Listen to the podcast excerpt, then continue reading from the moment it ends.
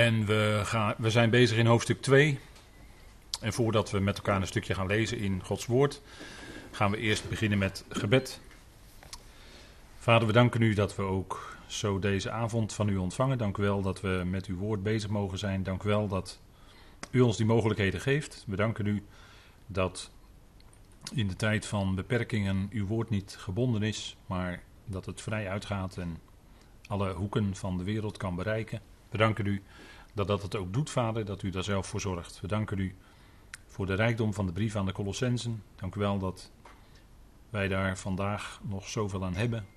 Een brief 2000 jaar geleden geschreven, maar met volle kracht van uw geest daarin. En we danken u, Heer, dat u door uw geest in ons leven werkt. We danken u dat we ook zo deze avond mogen luisteren. Wilt u ons hart raken? Geef wijsheid in het spreken. Vader, in alles zijn we afhankelijk van de leiding van uw geest. Wilt u dat geven tot eer van u en tot opbouw? We danken u daarvoor in de naam van uw geliefde Zoon, onze Heere Christus Jezus. Amen. Goed, we gaan eh, met elkaar lezen. En dat doen wij in Colossense 2. En u ziet hier op de slide vers 12. En daar gaan we lezen met elkaar. Tezamen met hem begraven zijnd in de doop in hem ook werden jullie tezamen opgewekt door het geloof in de werkzaamheid van God die hem opgewekt heeft uit de doden. Ook jullie, die dood zijn voor de krenkingen en de voorheid van jullie vlees. Hij maakt ons tezamen levend met hem, ons genade schenkend voor alle krenkingen. Het door de inzettingen tegen ons gerichte handschrift uitwissend dat ons vijandig was.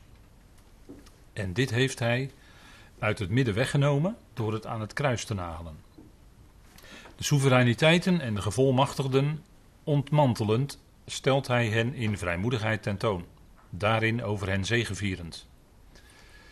Goed, dan kijken we nog heel even naar vers 12. Daar zijn we de vorige keer mee geëindigd, vers 12. En daar staat: In hem ook werden jullie tezamen opgewekt door het geloof in de werkzaamheid van God, die hem opgewekt heeft uit de doden. Het graf was leeg.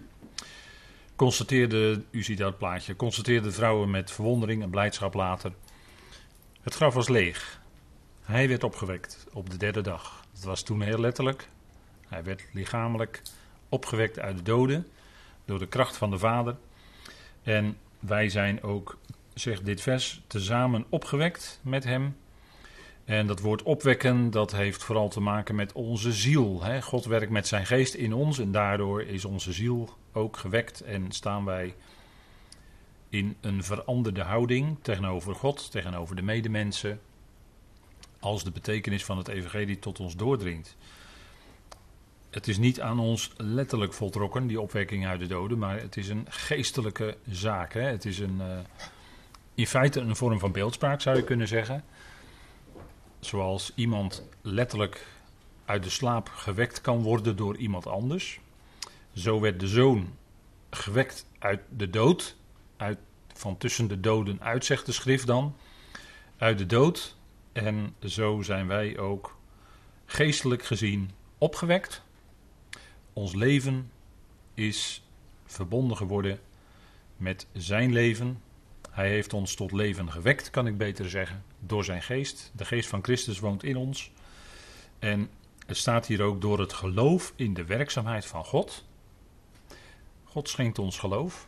En daardoor worden wij gewekt. daardoor, dat, dat is het kanaal wat God gebruikt om ons bewust te maken van wat zijn woord zegt, wat, hij, wat dat betekent en wat die geweldige rijkdom is van het evangelie en we ervaren dat ook in ons leven. Een ander denken in de eerste plaats. Gods woord verandert ons denken. En vanuit, dat veranderen, vanuit die verandering verandert dan ook als vanzelf je leven. En in het begin heb je helemaal niet door dat als je anders gaat denken, anders tegen de dingen aan gaat kijken, dat God het is die ja, door zijn geest in je werkt. Maar hoe langer je dat meemaakt, hoe meer je je dat bewust wordt. Dat zeg ik wel vaker, maar ik kan het eigenlijk niet genoeg zeggen.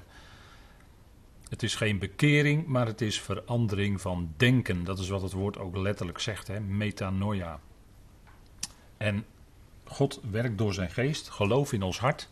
Het is geloof in de werkzaamheid van God. En het gaat niet om onze eigen, al dan niet vrome werken. Dat is nou ten ene male het grote verschil hè? tussen het evangelie van genade en andere dingen die ook gepredikt worden in deze tijd. Maar daar komen we vanavond ook nog wel op. In ieder geval gaan we wat verder in hoofdstuk 2 van Colossense 3, of van de, uh, sorry, van de Colossensebrief. En we zien hier een structuurtje van het tweede hoofdstuk waar we dan nu in bezig zijn. En ik denk, dit is weer eens even van een iets andere kant bekeken misschien. Hebben we even een idee waar het over gaat. Vers 2 en 3, dat hebben we al behandeld natuurlijk. Maar dat sprak over iets verborgens. Christus namelijk, in wie al de schatten van wijsheid en kennis, zegt Paulus, verborgen zijn. En dat stemt eigenlijk overeen met een stukje verderop in hoofdstuk 3, de eerste verse. Daar wordt ook gesproken over iets verborgens, namelijk dat ons leven tezamen met Christus verborgen is in God.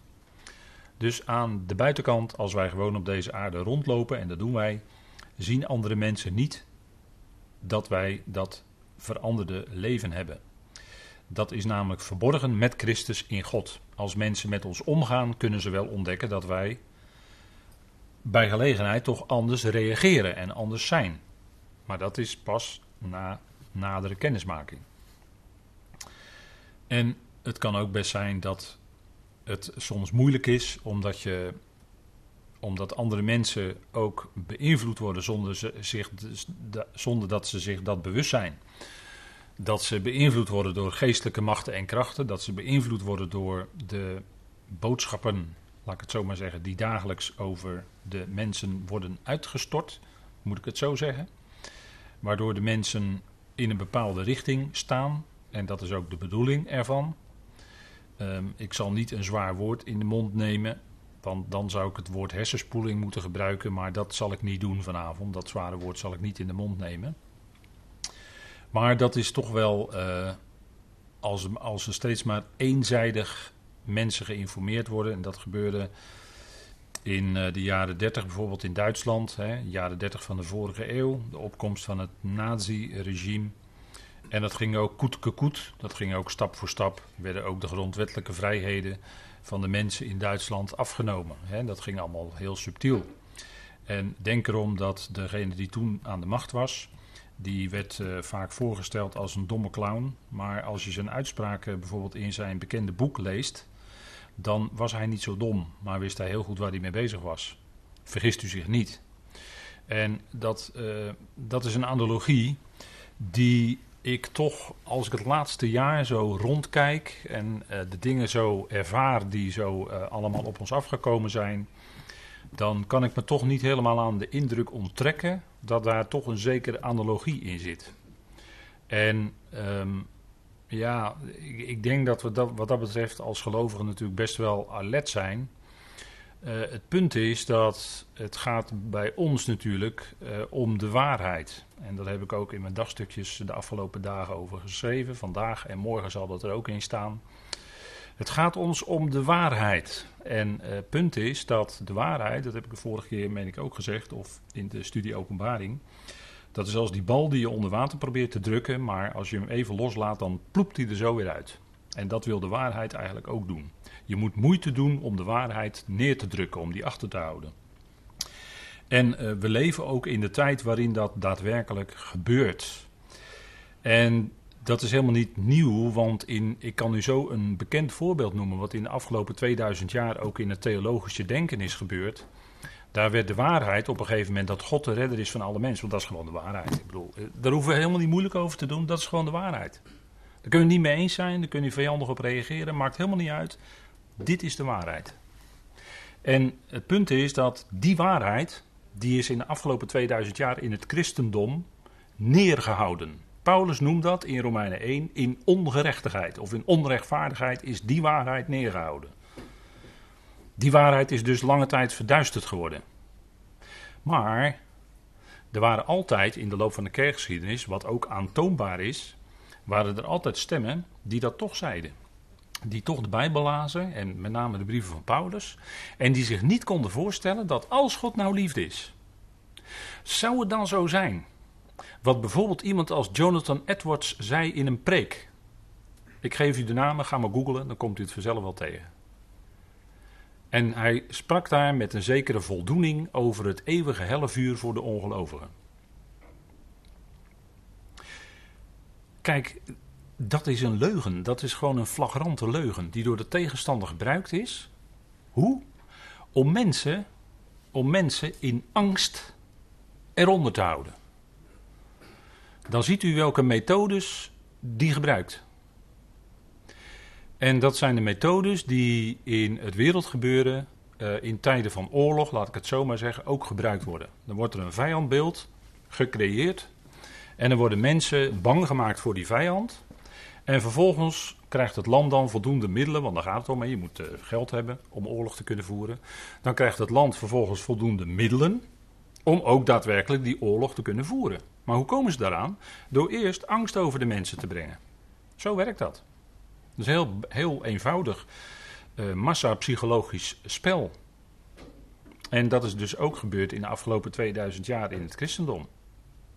Daar is de geweldige waarheid dat uh, evenals in Adam allen sterven, zo zullen ook in Christus allen levend gemaakt worden. Die waarheid, die is ook ondergehouden geworden. Maar de waarheid heeft altijd de eigenschap om weer boven te komen. En dan maakt hij ook mensen vrij. Hè? Dat zei de Heer Jezus hè, in Johannes 8. De waarheid maakt vrij. De leugen niet. De leugen bindt je in angst. Als een mens uh, door angsten, en dat is, dat is heel akelig, en ik weet dat het op een mens kan vallen en dat je ook als gelovige dat kan hebben, zeker, zeker. En daar, dat valt op je, daar kun je niks aan doen. Maar dat is heel akelig en dat heeft altijd te maken met dingen die niet waar zijn. Het is niet reëel. Dan, dan, dan is je denken niet realistisch. Dan is je denken niet in overeenstemming met hoe het echt is. En daarom zeg ik, de waarheid maakt vrij. Dat zeg ik niet, dat zei de Heer. En dat citeer ik dan. En het punt is dat dat ook vandaag de dag heel erg geldt. Hè? De waarheid maakt vrij. En soms moet je zoeken om achter die waarheid te komen. En als je erachter bent, hoe het werkelijk zit, dan maakt het je vrij. En dan ben je niet bang voor. En ik wens u dat toe. Daarom zeg ik dat. Ik wens u dat toe. Dat u niet in angst en bangheid leeft voor dingen die gezegd worden, dat allemaal rondgaat enzovoort. Ik bid u dat toe dat u, dat niet, uh, dat u daardoor niet uh, over, overstelpt wordt. Maar dat u de waarheid leert kennen. Want dat is zo bevrijdend. En natuurlijk, de waarheid van Gods woord is altijd bevrijdend. En ik denk dat dat ook ons jaarthema is. Vertrouw op de Heer met heel je hart. Met heel je hart staat er. er staat in de Hebreeuws het woord kol. Dat betekent echt die totaliteit, je, je hele hart. En steun op je eigen inzicht niet. En menselijk inzicht en menselijke wijsheid. We zitten in het stukje van Colossense 2. Hè? Paulus schrijft dat aan de kant. Door God geest geleid. Door God geleid. Schrijft hij dat aan de kant. Filosofie. Het denken van mensen. Colossense 2 zet dat aan de kant. En we krijgen iets geweldigs daarvoor in de plaats. Wat oneindig veel beter is. Dat is de Heer zelf. Dat is Christus. Hij is de wijsheid van God. En je moet bij Hem terecht. En bij Hem is ook de waarheid. En uh, die waarheid die Hij is, ja, Hij maakt jou werkelijk vrij. En dan hoef je niet bang te zijn voor wat misschien volgende week gaat gebeuren, of over een maand of over een jaar. Of... En natuurlijk kan je als gelovige erover nadenken en kan je allerlei dingen overlezen. Maar Gods woord stelt wat de waarheid is en dat maakt vrij. En dat is iets geweldigs. En ik denk dat we ook die, dan die woorden die Paulus hier noemt ter harte nemen. Hè? Uh, het verborgen leven met Christus. Ja, en, daar, en dat tussengedeelte, daar zitten we nu in, vers 4 tot en met 23. En er staat, kijk uit. Dus er staan een aantal aanwijzingen, dringende aanwijzingen van Paulus. En daar wil ik even nog wat verder iets over zeggen. Kijk uit. En dan krijgen we eigenlijk in dit stukje vijf, laat ik maar zeggen, heldere adviezen in zaken filosofie, in zaken rituelen, in zaken een handschrift, en daar zijn we dan nu mee bezig vanavond. In zaken vleeselijk denken en grondbeginselen. En het antwoord erop is Christus. Paulus stelt eigenlijk dat wij als gelovigen uh, volkomen gemaakt zijn in hem. Dat is het geweldige statement die hij gemaakt heeft. Dat in, in dat tiende vers van Colossense 2, en dat is toch een, een, een van de kernen hoor, hier. Uh, vers 9 en vers 10. Want in hem woont het hele complement van de Godheid lichamelijk. En jullie zijn compleet gemaakt in hem. Dus wij als gelovigen zijn compleet gemaakt in hem. Dus als je de vraag stelt: heb ik buiten Christus iets nodig? Dan de vraag stellen is hem al beantwoorden. En ik kan natuurlijk dan gewoon zeggen: nee, buiten Christus hebben we niets nodig. Hij is al wat wij nodig hebben. En daar gaat het maar om. En daar is het Paulus om te doen. Dat is het geheimenis van Christus, hè, wat in dat stukje aan de orde is. En daar zit eigenlijk alles in. Daar zitten al die schatten van wijsheid en kennis opgesloten. En dat onthult Paulus allemaal in zijn brieven, met name de voorkomenheidsbrieven. Hè. Nou, we gaan maar even kijken. Kijk, het effect van het kruis, daar hebben we over gelezen. Het effect van het kruis is dat wij, vers 13, dood zijn voor. Hè, vers 13 zegt: Ook jullie die dood zijn voor, en dan wordt er helaas vaak vertaald door, en dan word je net even op het verkeerde been gezet. Maar het punt is, Paulus stelt hier de feiten van het evangelie. Ook jullie die dood zijn voor de krenkingen en de voorheid van jullie vlees. Vlees noemt hij dan ook, hè? En daarmee ook verbonden. Dat is wat hij zegt in bijvoorbeeld de Efezebrief en de Romeinenbrief en deze brief. Dat wij dood zijn voor de krenkingen en de zonden. Dat zegt hij in Efeze 2. De voorhuid van jullie vlees en voor de begeerten. En dat, is een, dat zijn feiten. En uh, daarmee zouden wij rekenen. Dat is iets van geloof. Hebben net, ik noemde net geloof in de werkzaamheid van God. En geloof heeft in de eerste plaats niet zoveel te maken met emotie. Dat komt daarna wel. Dan gaat die emotie en dan gaat het, de ziel gaat ook wel meekomen. Maar in de eerste plaats gaat het met onze geest om geloof. Geloof in de uitspraken van God. Dat is waar. Niet wat jij voelt is waar, niet wat jij denkt is waar, maar Gods woord is waar. Dat zijn de feiten en die staan hier. Hè? Jullie die dood zijn voor de krenkingen en de voorheid van jullie vlees. Dat wil dus zeggen dat er niets is wat ons kan beschuldigen. Daar gaat het vanavond ook over. En dat wil zeggen dat er ook niets is. En dat, dat, dat vlees wil natuurlijk ons aan alle kanten uh, wegtrekken uit de gemeenschap met God. Eh, de bewuste gemeenschap met God kan, kan ons niet uh, wegduwen uit wat dan ook, maar wel uit de bewuste gemeenschap met God. En, en al dat soort dingen. Het punt is dat je in, de, in geloof kan zeggen, en misschien dwars tegen je gevoel in, nee, daar ben ik dood voor. Daar wil ik niet mee te maken hebben. Want ik ben daar dood voor. God zegt dat ik er dood voor ben. Klaar. En uh, dat is een geweldig middel. Hè? Iemand noemde dat ook in een fijne studie het tegenmiddel. En dat is het ook. Zodra je gaat proberen, en dan zal ik even de andere kant schetsen, die ook in uh, christelijk Nederland vaak wordt gepropageerd. Daar wordt ook vaak het woord proberen gebruikt. Nu gaan we proberen heilig te leven.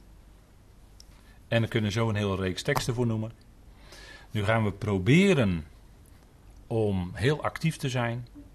Nu gaan wij enthousiast worden. Dat zijn allemaal uitspraken die voortkomen uit menselijk goed bedoeld willen. Maar je zult vroeg of laat ontdekken dat dat het niet is. Dat dat het niet is. Want ook dat kan nog allemaal uit jouw, laat ik dan maar zeggen, vrome vlees voortkomen. Het punt is dat je door de geest van God ben je gewekt. En die geest van God in je, die werkt. En daardoor wil je van binnen, eh, dan zeg ik het al, willen. Hè, van binnenuit wil je dan ook datgene doen wat tot eer van God is in je leven. En dan hebben we de juiste richting te pakken. Het komt dus van zijn geest vandaan, die werkt in jou. En die geest geeft jou de kracht om ook op God gericht te kunnen leven. Op het moment dat jij dat gaat proberen vanuit de vermeende heiligingsnoodzaak uh, of wat dan ook, dat gaat hem allemaal niet worden. Dat is de andere kant. En dat is wat in evangelisch Nederland en kerkelijk Nederland allemaal gepredikt wordt. Hè. Er wordt de wet gepredikt, de regels gepredikt. En dan moet je je proberen eraan te houden. En dan zit je de volgende zondag in de kerk of in de samenkomst. En het is weer niet gelukt de afgelopen week. En dan word je ook nog geconfronteerd met Jacobus. Eh, laat, ik het maar even zeggen. Hè. Jacobus, eh, Jacobus 2. Hè. Er wordt eh, wel eens uh, snerend tegen ons gezegd. Ja, jullie lezen zeker nooit de besnijdenisgeschriften. Nou, ik zal u eruit voorlezen. Jacobus 2. Jacobus 2.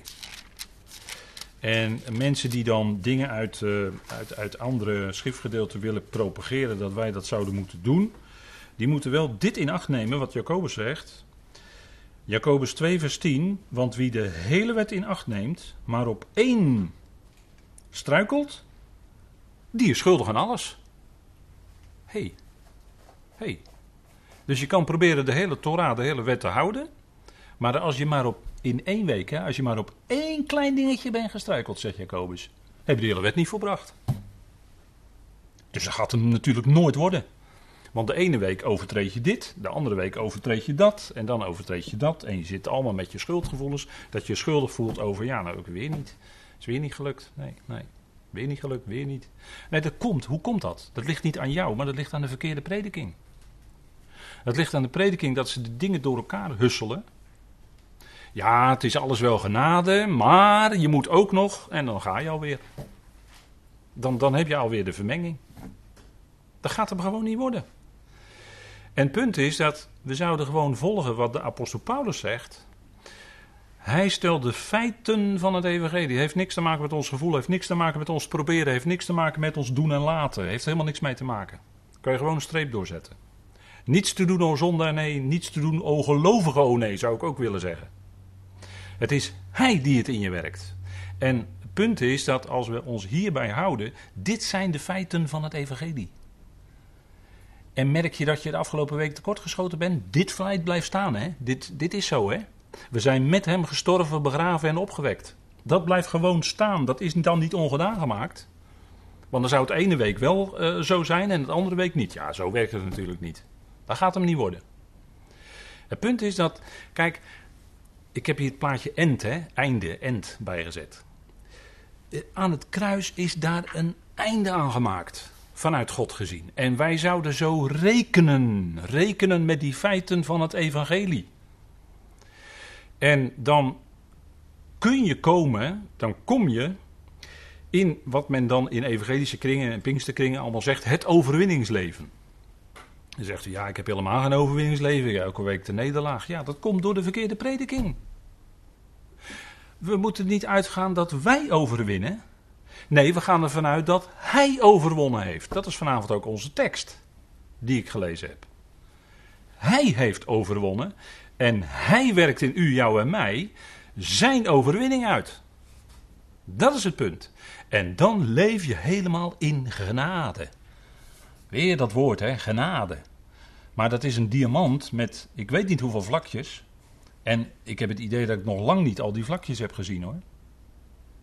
En, en dan eh, zijn we misschien met z'n allen al zoveel jaar bezig. Maar we hebben misschien nog maar 10 van de 2000 vlakjes gezien. Nou, dan is alle reden om dus door te gaan. En die diamant verder te bekijken.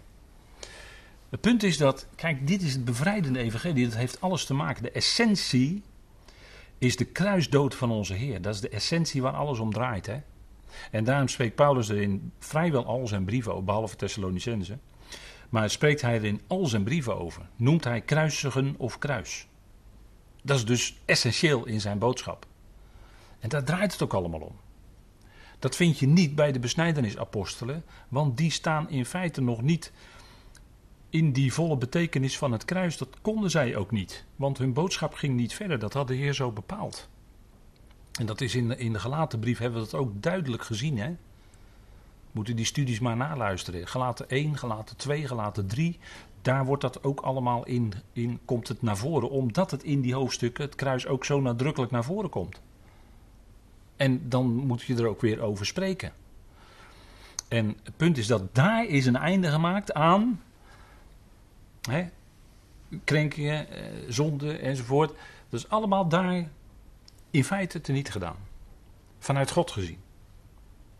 En het is voor ons een ervaring in ons leven dat we dat gaan erkennen. Dat is ook Colossense 1, hè?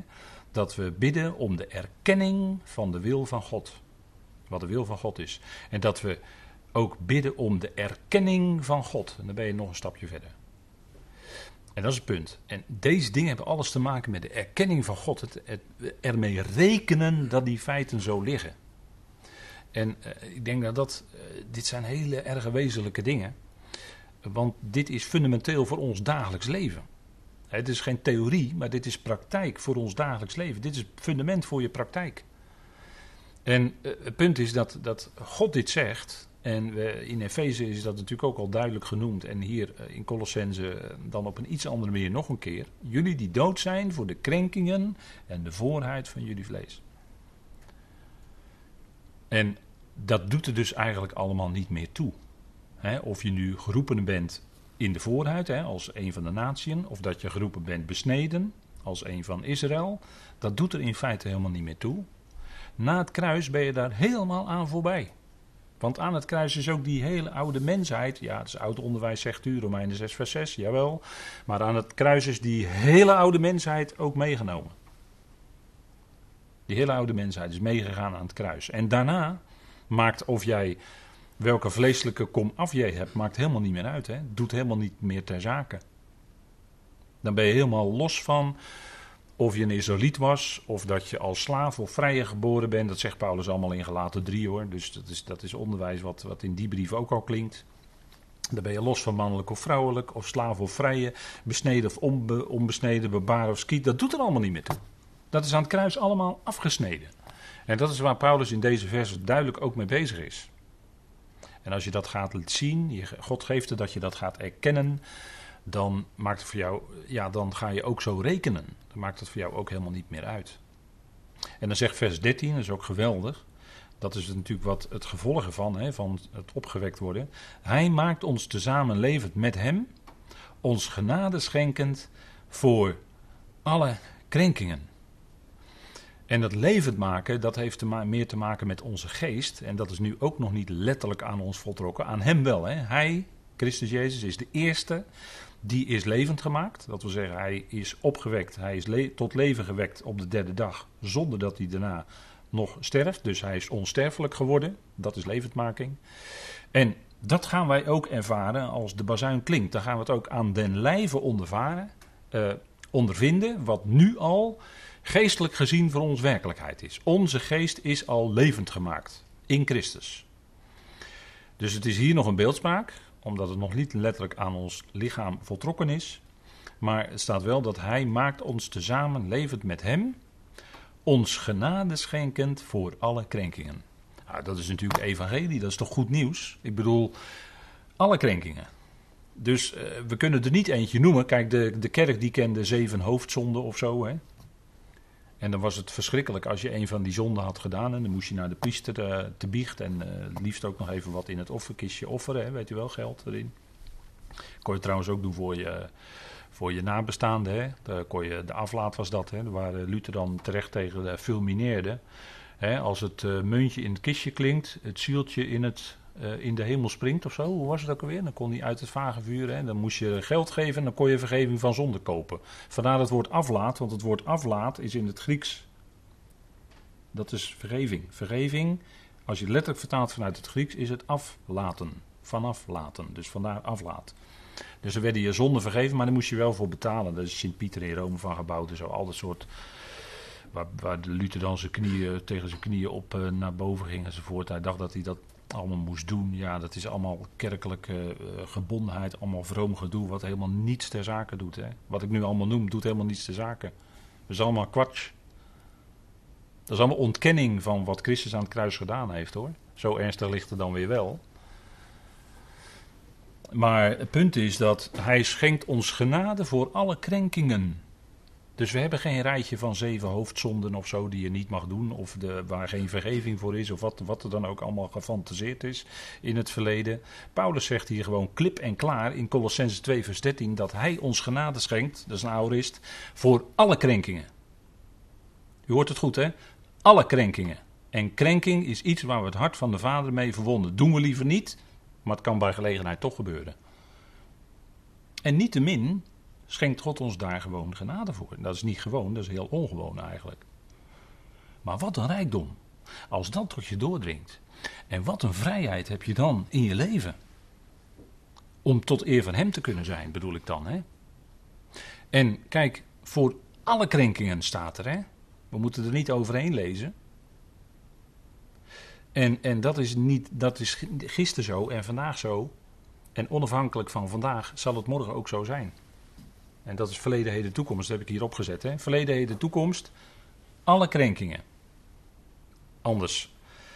Ja, kijk, er zijn, er zijn mensen die zeggen dat. die leren een voorwaardelijke opname van de gelovigen. Dat, dat wil zeggen dat je als gelovige toch wel uh, op, op, op een heel aantal punten goed moet leven.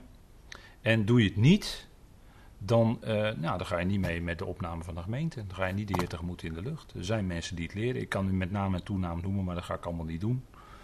Maar dat is gewoon een valse leer. Klopt niet.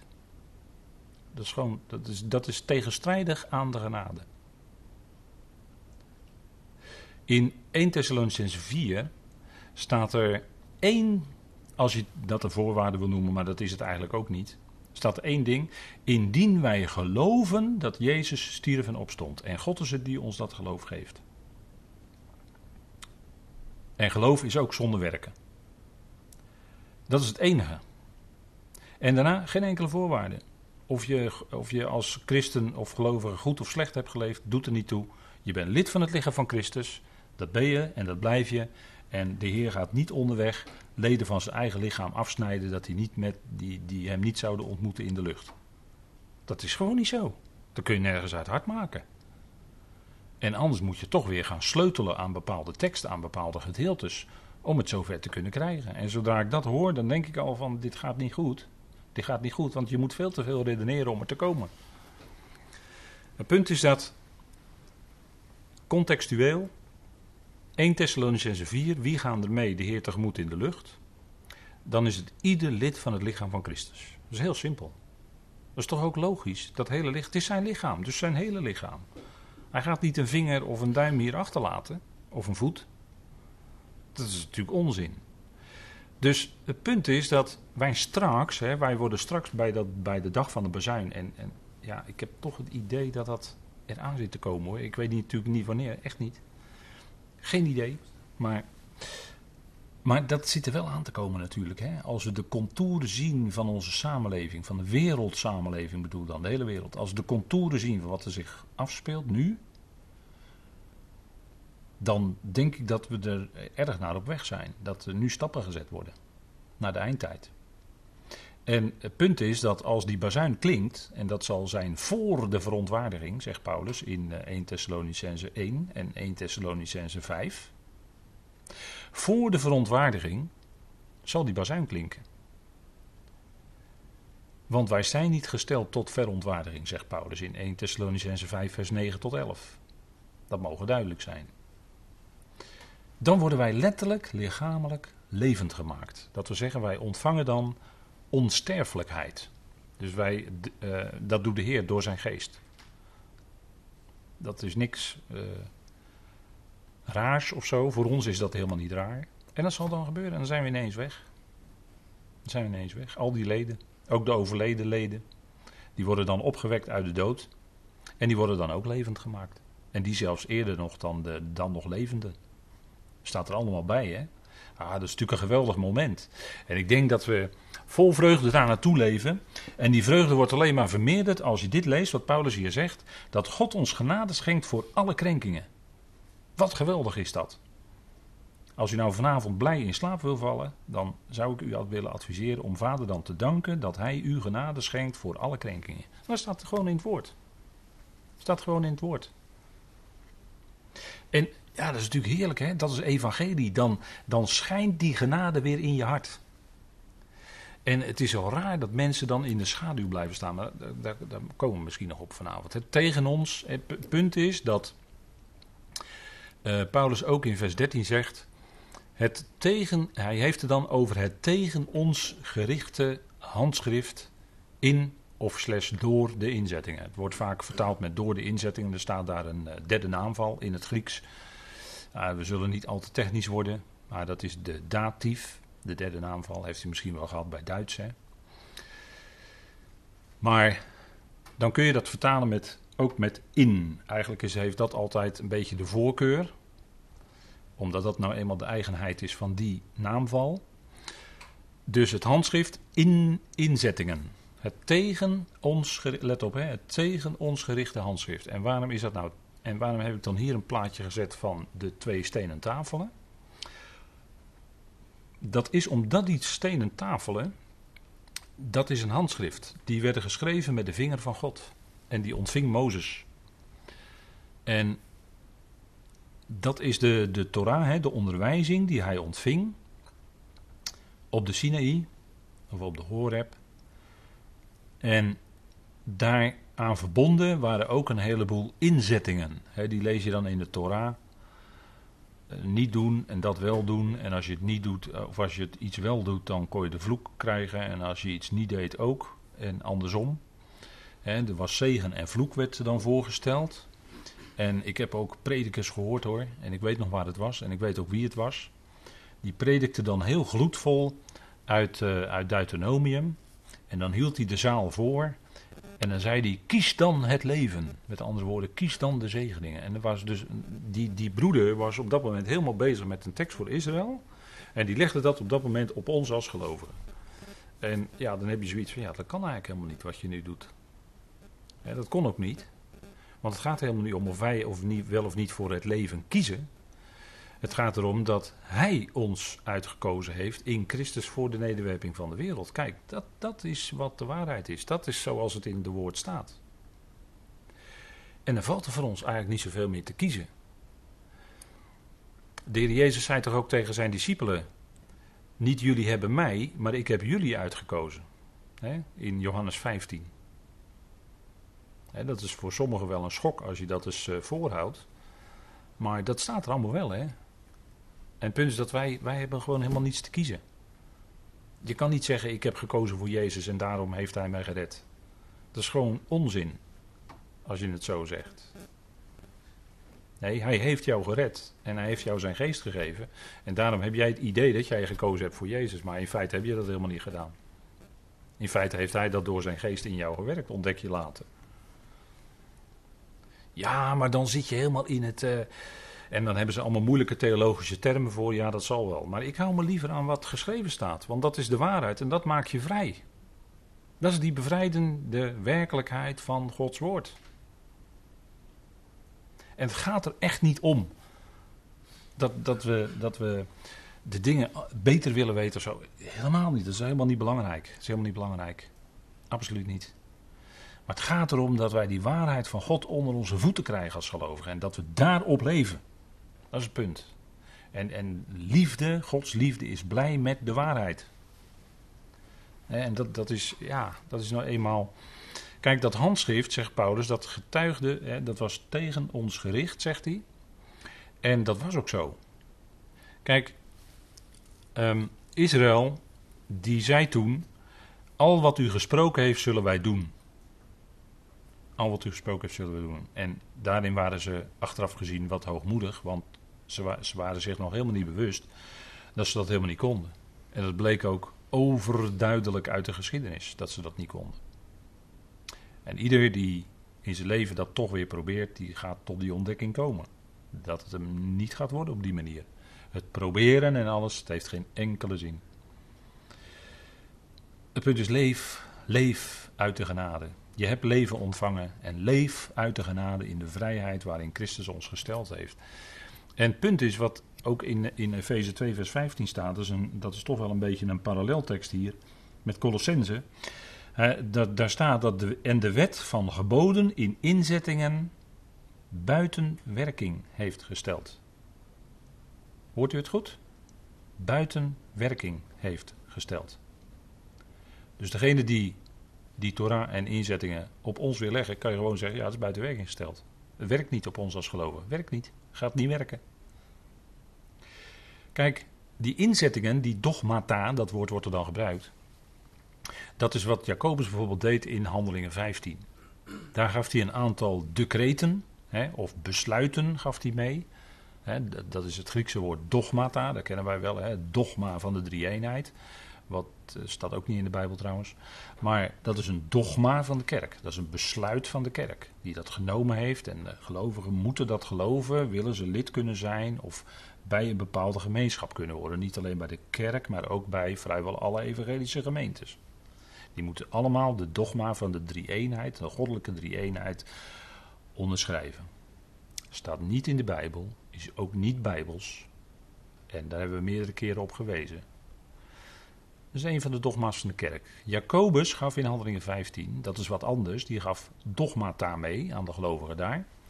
En Jacobus was, die had een, eh, eigenlijk een beetje ten onrechte, als we even naar Handelingen 15 gaan, en dan wil ik toch even met u lezen.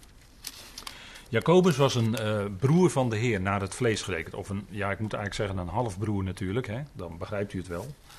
Maar die had een vooraanstaande positie gekregen in de toenmalige Ecclesia, de, de Koninkrijks-Ecclesia heb ik het dan over, van, uh, die, die in handelingen tot ontwikkeling kwam. Volg de studies handelingen en u zult daar meer van horen, meer van te weten komen. Maar dat is de Koninkrijks-Ecclesia die in handelingen ontstond. Dat is de gemeente uit Israël die richting het aardse koninkrijk, want dat was de enige verwachting, kon niet anders, ging. En uh, Petrus was eigenlijk de leidende apostel met EI van de besnijdenis. Maar langzamerhand was Petrus toch een beetje op de achtergrond gekomen en had toch de lijn van het vlees. De lijn van het vlees kwam wat meer op de voorgrond. En zo kwam Jacobus, als zijnde de broer van de Heer, meer op de voorgrond. En die nam dan ook het woord op dat apostelconvent in Handelingen 15. En ja, dat ging natuurlijk met allerlei vragen over Paulus en Barnabas, die waren erop uit geweest. En die hadden vol vreugde getuigd dat een deur van het geloof voor de natie was opengegaan. Eind van Handelingen 14 staat dat. Hè? En er was een heel gedoe over. Uh, en dat is, was toen, en ik denk wel eens, het is vandaag de dag nog steeds zo. Er was een heel gedoe over of je nou moet laten besnijden, ja of nee. En dus daaraan hangt natuurlijk ook dat je de wet moet houden. Hè? Want Paulus zegt in Galaten dat als je je laat besnijden, dan ben je ook gehouden de hele wet te houden, de hele Torah te houden. Galaten 5, hè? Dat is gewoon één op één. Paulus wist dat als geen ander. Daar was toen gedoe over. En dus vandaag de dag is er nog steeds gedoe over. En dat is eigenlijk een beetje heel erg ten onrechte. Um, en Jacobus die neemt dan het woord in Handelingen 15 en die zegt dan, en dat geeft hij dan eigenlijk mee aan Paulus en Barnabas, die dan weer verder op reis gaan. Daar staat, want het heeft de Heilige Geest en ons, let op hè, de Heilige Geest en ons goed gedacht u verder geen last op te leggen dan deze noodzakelijke dingen, dat u zich onthoudt van afgodenoffers, van bloed, van het verstikte en van hoererij. Als u zich ver van deze dingen houdt, zult u juist handelen.